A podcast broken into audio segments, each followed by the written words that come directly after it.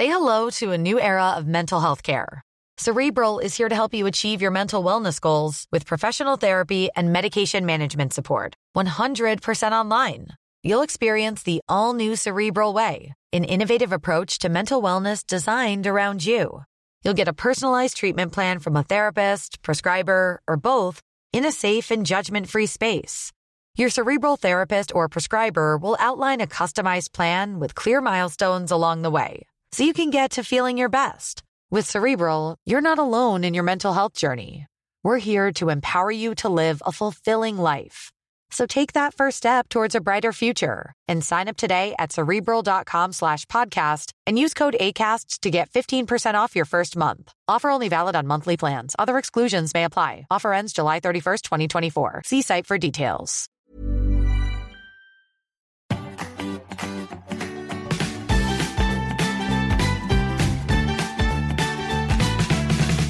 Hei og hjertelig velkommen til en eh, ny bonusepisode om skolestart. Det er en dag som fremstår som ganske så stor og kanskje skjellsettende for både foreldre og barn og ungdom. Og litt eldre ungdom. Vi skal gjennom eh, alle ulike trinn. Barneskole, ungdomsskole og videregående skole. Og Hedvig Montgomery, husker du din første skoledag? Eh, Jeg er ikke helt sikker på det. Det er vel nesten pinlig å si det, for det er sånt man skal huske. Eh, Men jeg vet at jeg har sett bilde, eh, det første klassebildet. Men jeg tror ikke jeg har sett noe bilde fra første skoledagen som kunne ha hjulpet meg her. Men jeg vet nå i hvert fall at jeg begynte på skole, og jeg vet hvor viktig skolestart er for barn i denne alderen. Det er en markør på at de er blitt noe mer. Det er å gå opp et hakk. Og det er de veldig veldig bevisste over selv. Noen føler seg klare for det, andre kunne gjerne ha ventet litt til. Eh, Men som forelder så har du ikke noe særlig valg. Du må holde poden i hånden og gå dit med ny sekk på barna, med ny sekk på ryggen. Og det, det er noen ting med denne dagen som er veldig, veldig spesiell. Eh, Jeg tror nok de andre er flinkere enn meg og husker den bedre enn det jeg gjorde. Eh, Det tror jeg nok. Jeg husker mine barns første skoledag som om det var i går for alle tre. Eh, Det er, eh, det er virkelig en markering. Hvorfor blir dette så stort for oss? For det første fordi det er en helt uh, uomtvistelig overgang fra å ha et lite barn til å ha et barn som er på vei noe sted. Eh, og for det andre fordi det passer inn i, i barnas psykologiske utvikling. I seks-sjuårsalderen så går barna et ganske stort trinn, hvor de går fra å være i det de gjør og det de holder på med, til å begynne å se seg selv fra utsiden. De går fra å være i det de gjør, til å begynne å se mønstre og sammenhenger. Det er det vi også kunne kalt for skolemodenhet, for det er det som gjør dem i stand til å lære seg å lese og skrive. Det er det som gjør dem i stand til å knekke disse kodene som nå kommer foran dem. Eh, Men det gjør også at de strekker seg etter de eldre barna. Så eh, seksåringene strekker seg oppover, eh, og det de vil, det er nettopp å få den der smaken på at jeg er, jeg er meg selv.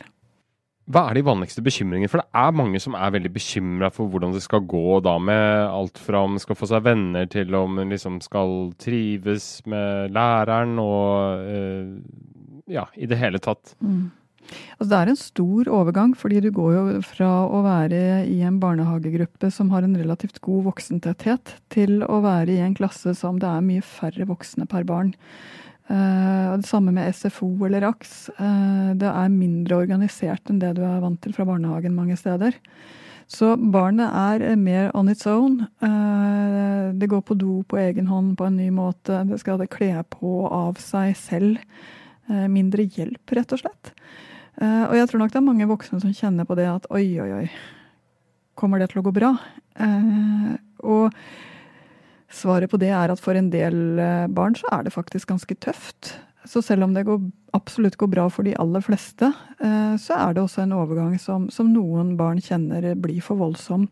Og samtidig med denne overgangen så er det også en utvikling som skjer i barna som handler om å ta kontroll over de sterke følelsene, sånn at de fleste seksåringer oppfører seg nesten litt pre-teens-aktig.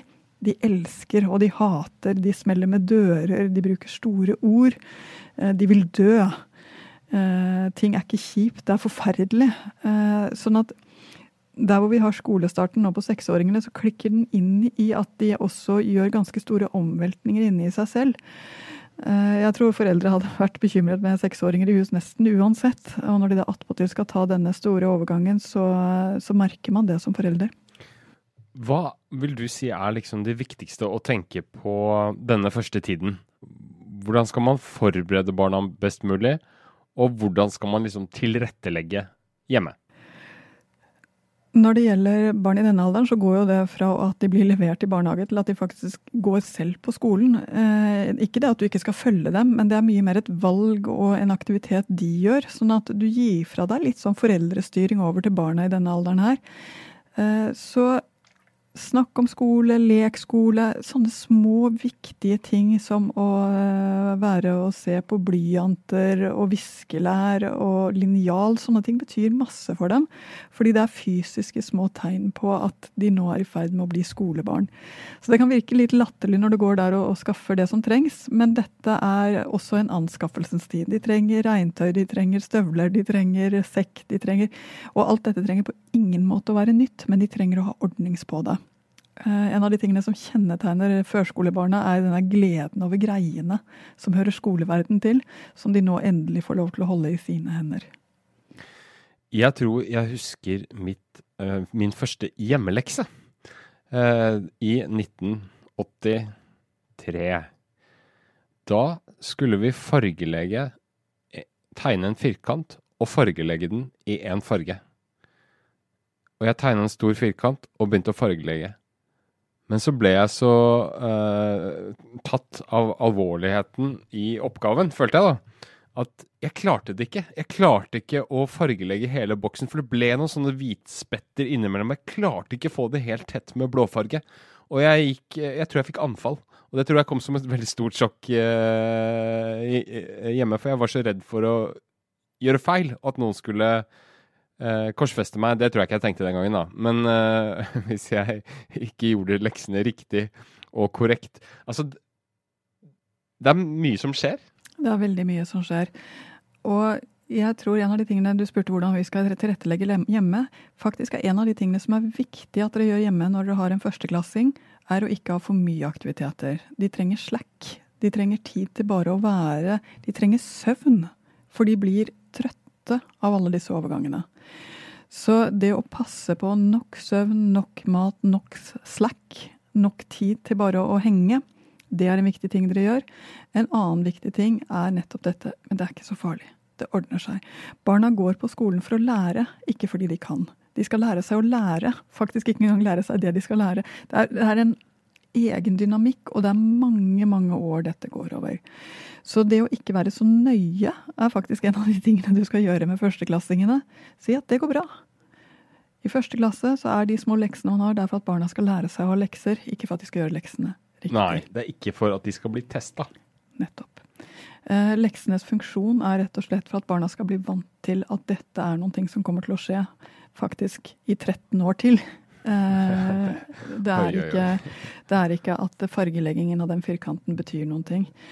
Så um, her er det noe med å både ikke bli lurt av barnas alvor, men å holde på det voksenperspektivet som er nå er det dette som er oppgaven, nemlig at barna skal bli vant til å gå på skolen og lære seg å gå på skolen. Og på mange måter er det det det første skoleåret handler om. Hva hvis man kommer, for å bruke et forslitt uh, begrep, kommer litt skjevt ut fra hoppkanten? Uh, at det går noen uker, og så går det liksom ikke uh, sånn helt på skinner, og barna syns ikke dette her er noe sånn særlig, og begynner å grue seg. Mm. Hva gjør man da? Nå må jeg bare si Det er ganske mange barn som gjør, som, som gjør det. Eh, og for en del barn så er det overveldende. Det er mye støy. det er stort i skolegården. De blir redde. Jeg tror noe av det viktigste du gjør enten du har barn som reagerer på en eller andre måten, det er faktisk å høre hvordan de har det, spørre hvordan har det vært i dag. Når de svarer det har vært helt fryktelig, så sier du oh, innimellom så er det det. At du rett og slett aksepterer svaret deres og, og lar det få lov til å, å, synke litt, og deler det med deg. Ja, det skjønner jeg er kjipt. Eh, og så prøver du å hjelpe dem til å finne små strategier. Men når du er ute i friminuttet, hvor kjennes det greit å stå jo, det kjennes greit å stå ved porten, for der er det mange som går ut og inn. Så da er det lettere å kjenne at jeg er litt med. Ok, men da er fint stå ved porten. Altså, hjelp dem litt med å finne sin måte å håndtere dette på, og snakk med læreren. Eh, læreren trenger at du vet noe, du får informasjon hjemme som du kan gi til læreren, og som er verdifull for læreren. Så ikke vær noe redd for å si akkurat nå er vi her, eh, det er vanskelig om morgenen. Og da har ofte lærerne svar av typen men vet du hva, jeg kan komme ut og møte henne før jeg går inn til de andre, vil det fungere? Og så finner man sånne overgangsløsninger. Fordi det handler om det, det handler om å finne overgangsløsninger. For det er fort gjort å kanskje bare si nei da, det er ikke noe å grue seg til. Eh, skolen er fint, og det, alle skal lære, og du skal ja. Ja, altså det, og til tider så, så altså Det er jo på mange måter det store svaret også. Men for barnet kjennes det ikke sånn ut. For barnet så betyr det at du trenger fortsatt litt mer hjelp.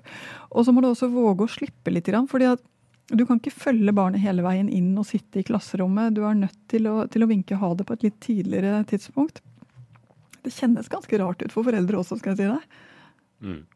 Den første tiden, OK. Men hva, hva, skal man forvente seg egentlig av det, av det første året? Det første eh, skoleåret? Det første år, skoleåret skal du ha ganske små forventninger til noe annet enn akkurat at dette er det som skjer. Eh, så spar litt og begynne på mange aktiviteter. Kanskje gjerne ingen er helt i orden. Én er absolutt maks eh, for førsteklassingene. Fordi det er voldsomt nok det som skjer. Eh, dette er en tid hvor de blir kjent med hverandre, og hvor de blir kjent med seg selv som skolebarn. Så ser vi at det stort sett går litt bedre. Andre klasse enda litt bedre tredje klasse. I fjerde klasse begynner det å bli litt varme i trøya. Og så får vi jo det første store hoppet opp til mellomtrinnet. Uh, ja. Hva er det som skjer da? Ja, På mellomtrinnet så er det faktisk litt mer forventninger til barna i femte klasse enn det det var til fjerde klasse. Så de får mer lekser, som er ganske overveldende både for dem og for oss foreldre.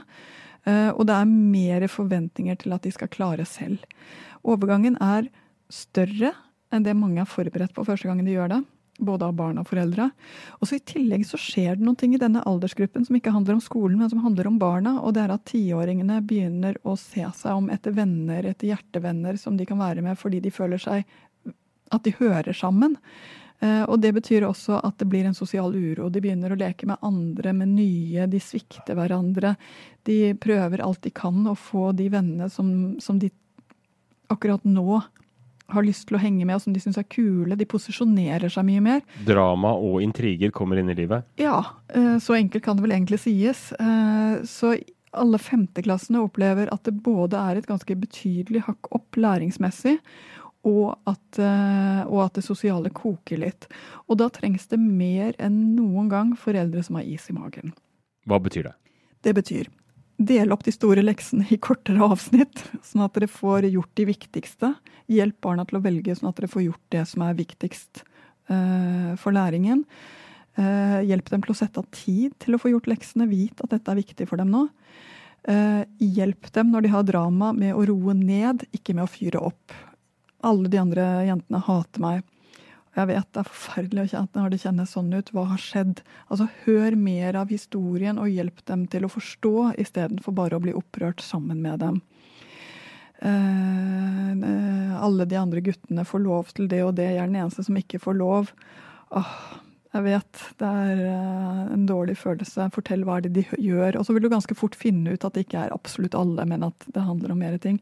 Men vær, vær nysgjerrig på livet deres, rett og slett. Unnskyld ja, at jeg avbryter, men det, det, krever jo veldig at man jobber med seg selv òg, da. For det, det, er jo Ryggmargsrefleksen er jo eh, litt sånn pro protestere litt mot det, for sånn er det ikke. Det vet altså, vi jo. Ryggmargsrefleksen er én av to. Enten å protestere mot det, eller å bli tigermamma og forsvare.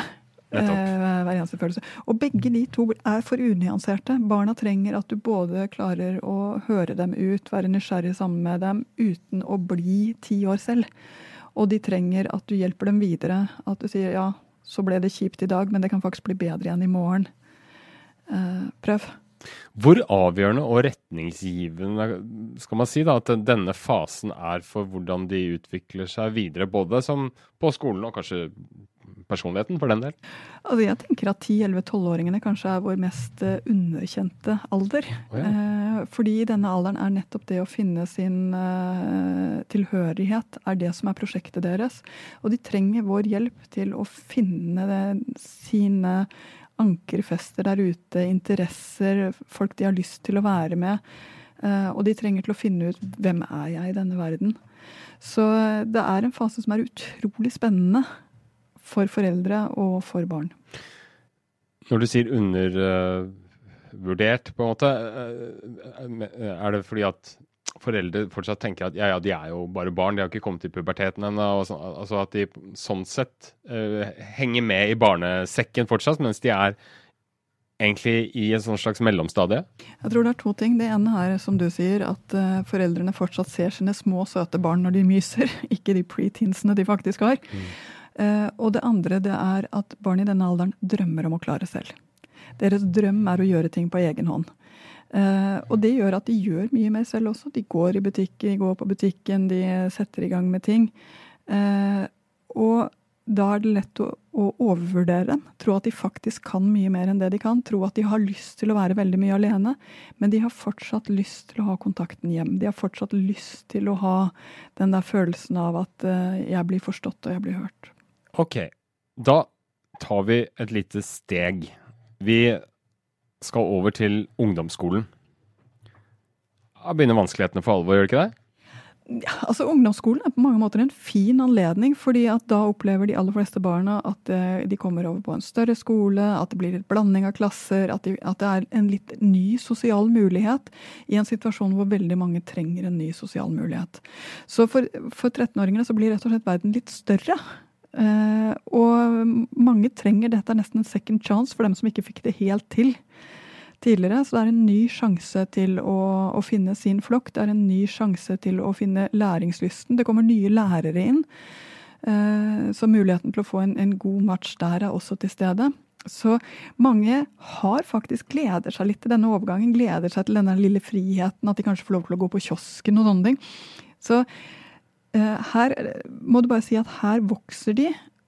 Og du skal som eh, mamma eller pappa vite at for det første, nå er din viktigste jobb å gå fra å være en som forteller barna hvordan de skal gjøre, til å være en som veileder barna. Eh, det vil si, du må høre enda mer på dem, du må gi dem enda mer eh, råd, mer enn du gir dem befalinger. Mm. Eh, for å få dem inn i en slags mindset. For de trenger mye voksenkontakt, de trenger mye råd. Det er fortsatt mye vanskelig. Eh, men de trenger det fra noen som er med dem, ikke noen som trekker dem. Men det er jo ikke nødvendigvis sånn at de øh, virker som om de er så mottagelige for det, da? Uh, det kan du si. De er mottagelige noen minutter i døgnet, så det handler om å treffe riktig minutt. da. Uh, og det er virkelig sant. altså Tenåringer snakker når de selv vil. Tenåringer snakker når de er klare for det, ikke når du har bestemt deg for å ta den store praten. Eh, så det, det, det, er en litt annen eh, fase du kommer inn i. Men igjen, følg med. Se hva de trenger. Er det noen greier som skal handles inn? Gjør det. Eh, ikke tenk at de klarer allting selv, for det gjør de faktisk ikke. For å stille samme spørsmål som gjorde på, på barneskolen. Hva er det viktigste man bør tenke på liksom, den første tiden i denne overgangen til, et nytt, til en ny skole? Veldig ofte så, så går det veldig fint i starten. Eh, og så blir det vanskelig etter høstferien. Mm. Så bare vær forberedt på at det kan komme en liten nedtur. Hvor de har liksom hatt den der første honeymoon-tiden og lekt seg litt med den nye klassen sin. Og så blir det litt hardt. Det er det mange som merker i, i denne fasen her. Ellers må jeg si at når det gjelder ungdomsskoleelevene våre, så er det at du husker på å spørre hvordan går det, og høre på ordentlig på svaret, er litt den gylne regelen. Mange skilles fra de de har uh, gått sammen med lenge. Kommer i klasse med kanskje hvor de ikke kjenner så mange fra før av. Hvordan gir man liksom barna den gode farta og tryggheten inn i et, et, et nytt miljø, kanskje? Eh, nye settinger? Uh, det er egentlig bare altså Du kan jo ikke tvinge barn til å være venner med barnet ditt. Du er egentlig veldig lite du kan gjøre. Men det du kan gjøre, er dels å vise at du fortsatt er ditt barns venn. Og din barns Og nå tenker jeg som foreldrevenn i den forstand at du fortsatt er nysgjerrig på barnet, liker barnet ditt, dyrker at, dere, at du liker å være sammen med barnet ditt. Uh, det er ikke så mange andre nødvendigvis som liker å være sammen med tenåringen din, så, så, det er en voksenoppgave som er viktig. Og det andre er at prøv å gjøre hjemmet til et sted hvor det er plass for 13-14-15-åringer. Det skal se ut som det bor ungdom der. Det skal være lov å ta med seg hjem Eh, og, og det rett og slett ha litt aksept for ja, men nå er vi en familie som har en tenåring. Rett og slett. Ja. Nye problemstillinger kommer jo også inn, altså sex, drugs and rock and roll, rett og slett. Eh, det har ikke så mye nødvendigvis med skolen å gjøre, men det er jo også en sånn nye type bekymringer, da. Mm. Eh, jeg vet ikke om det om, det, om, om eh, Du går ikke an å si Ja, det, altså, noe kort til det, kanskje? Men Ja, det kan du godt si. Altså, som, som generasjon så bruker de som er tenåringer nå mindre sex, drugs and rock'n'roll enn noen gang før. De er faktisk mer skikkelige. Så den som er den største problemstillingen i hjemmene, er nesten det motsatte. Nemlig barn som anstrenger seg for mye, vil være for flinke, jobbe for hardt. Mer enn det de både har ork til, kapasitet til og for den delen også evner til. Eh, og at de knekker så voldsomt sammen når de ikke lykkes på første forsøk. Så eh, foreldregenerasjonen i dag, altså det er ikke det at vi ikke skal passe på at de ikke havner i, i sprit og, og marihuana. Det, det, skal vi jo. Vi skal være oppmerksomme på at, at det er like altså at det er ekstremt skadelig for tenåringshjernen. Men vår oppgave er nesten å passe på at de ikke gjør seg selv ulykkelige ved å ha for høye krav og tror at de skal lykkes på første forsøk.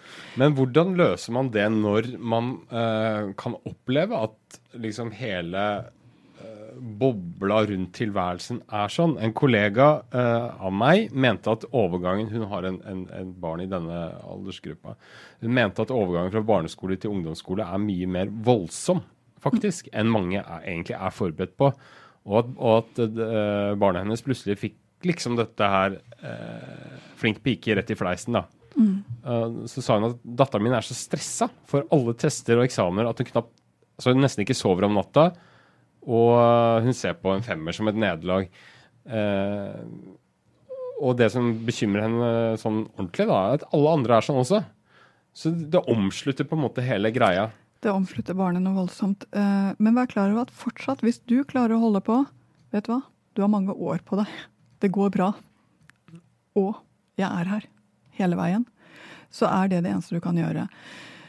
Igjen, nok søvn og nok mat er fortsatt en nøkkeloppgave for deg som forelder. Det kan virke som du ikke har noe innvirkning på det, men det har du.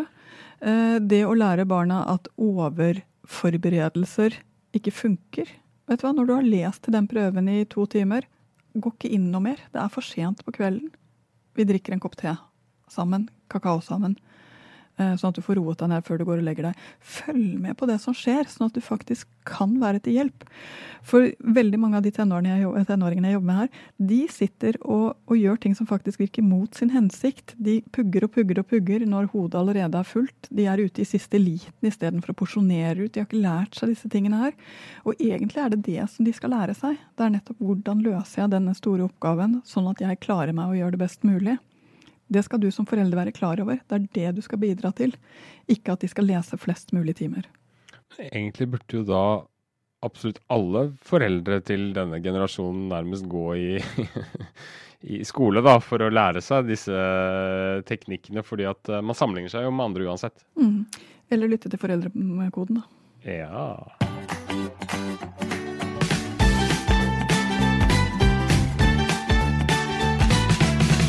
Vi kan ikke snakke om hele ungdomstida i og, en og samme episode her. Vi, vi, har egentlig fokus på skolestart, og vi hopper videre ved til videregående skole. Og da er jo barna nesten voksne. Ja, det kan du så si. Men 16-åringene er så langt fra voksne som det går an å komme. Men fra 16 år og fremover så blir det gradvis bedre. Så det kan fortsatt ta noen år. Og hjernemessig er de ikke ferdigutviklet før de kommer opp godt i begynnelsen av 20-årene. Så det er fortsatt mer å gå på. Sikker på at det ikke er 40-åra? ja, ja, hjernen endrer seg hele livet. Men uh, ja. hovedstrukturene har vi på plass da i begynnelsen av 20-årene. Ja. Uh, det som uh, er viktig å være klar over, det er at overgangen til videregående er også en, en ganske shaky ting. Da er du ganske garantert at du ikke kjenner så mange av dem du kommer i klasse med, for de aller fleste.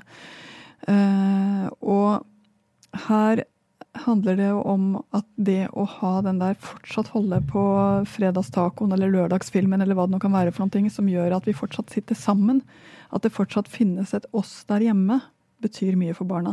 Det kan virke som de er helt uinteressert, men de er ikke det, vet du. De trenger fortsatt å ha den der opplevelsen av at hjemme kan jeg være. Eh, så det skal du huske på på videregående. Og ellers skal du huske på igjen, det er mye praktisk. Eh, så hør hvordan det går, hør hva de trenger. Eh, hør og hold kontakten med skolen. At du faktisk leser den informasjonen de får, fordi de er dårlige lesere fortsatt på å ta til seg den informasjonen de trenger. En, en problemstilling som dukker opp for mange, eller en bekymring, da, er jo dette her, denne drop-out-problematikken. jeg håper å si, Går det an å se altså, hvis man er litt bekymra for at man ser at det går i den retningen at man gradvis liksom mister interessen, begynner å skulke, dropper mm. ting, mm. slutter å lese og er null interesse. Um, jeg håper å si, Hvordan skal man forebygge dette? Altså, for det første må jeg bare si, De kan jo ha valgt feil. Uh, og det er ikke noe mer dramatisk enn at det er det en ganske stor andel som gjør. Så merker du at barnet ditt ikke trives noe særlig på den skolen eller på den linja, så snakk om det, og snakk med rådgiver. Eh, det er et problem som skal løses, ikke et moralsk problem. Mm. Det som jeg har tenkt på en del, eh, som jeg ikke misunner eh, de som er unge ung i dag, det er at de har så himla mange valg. Linjer, retninger der er det også kanskje nyttig å være en, en uh, sparringspartner og være til stede som en sånn dialogpartner, da, vil jeg tro. Ja, og også vite at det ikke er verdens undergang. Uh, at noen ting tar litt lengre tid, eller at det blir en liten omvei. Uh, det har vi mennesker fint tid til. Ja. Disse videregående elevene de er i, i ferd med å bli voksne, men de er kanskje ikke voksne, i hvert fall ikke når de er 16. Men graden av løsrivelse begynner vel å melde seg mer og mer. Absolutt. Eh, og det er jo også her vi begynner å få festeproblematikken for alvor inn. Eh, nemlig at de har mer lyst til å være med hverandre, og de har lyst til å teste ut mer grenser. Eh, og det er uunngåelig. Det må de gjøre. Men de liker fortsatt å vite hva som gjelder. Når skal jeg være hjemme? Drikke, ikke drikke, sånne ting. Så du har fortsatt en foreldreoppgave igjen, og du har fortsatt noen år på deg. Men hva gjør du når barna ikke vil høre på deg mer, da? De hører mer enn det du tror. Eh, og så er det også klart at noen barn flytter jo på hybel for å gå på videregående. Eh, og det jeg merker der, det er at om foreldrene klarer å vise at de fortsatt er tilgjengelige, sende meldinger, ringe, følge opp, komme på besøk, ikke kobler seg bort selv, så går det ganske bra. Men hvis foreldrene slipper for brått, så er det en alder hvor, det, hvor de kan slå seg veldig. Ja, da nærmer vi oss faktisk eh, slutten her. For vi, vi, det kan virke som vi bare dura gjennom livet sjøl, men skole og livet henger i, hop. Men Hedvig, hvis vi skal oppsummere med noen, noen, noen veldig gode råd til først barneskolestartere, eh, hva er det? Til barneskolestartene er ikke bli for streng, gi slack. Ungdomsskole? Ungdomsskole er skjønn hvor stor denne overgangen er, og vær, vær nysgjerrig på barnets nye hverdag. Og videregående. De trenger deg fortsatt. Hold kontakten. Og til slutt, hva er det dummeste man som forelder kan gjøre? Å ikke skjønne at skolen er så viktig som det den faktisk er for barna. Eh, skal du forstå barnet ditt, så må du også forstå den hverdagen som barnet har på skolen. Kjempebra. Det var det vi hadde i denne bonusepisoden. Jeg håper du fikk noe ut av det. Vi håper at du følger med i podkastfeeden din, for kanskje kommer du med fra oss, eller de gjør det helt sikkert, kommer med fra oss om en stund. Takk for i dag, og ha det kjempebra med skolestarten. Til store, små og midt imellom. Ha det!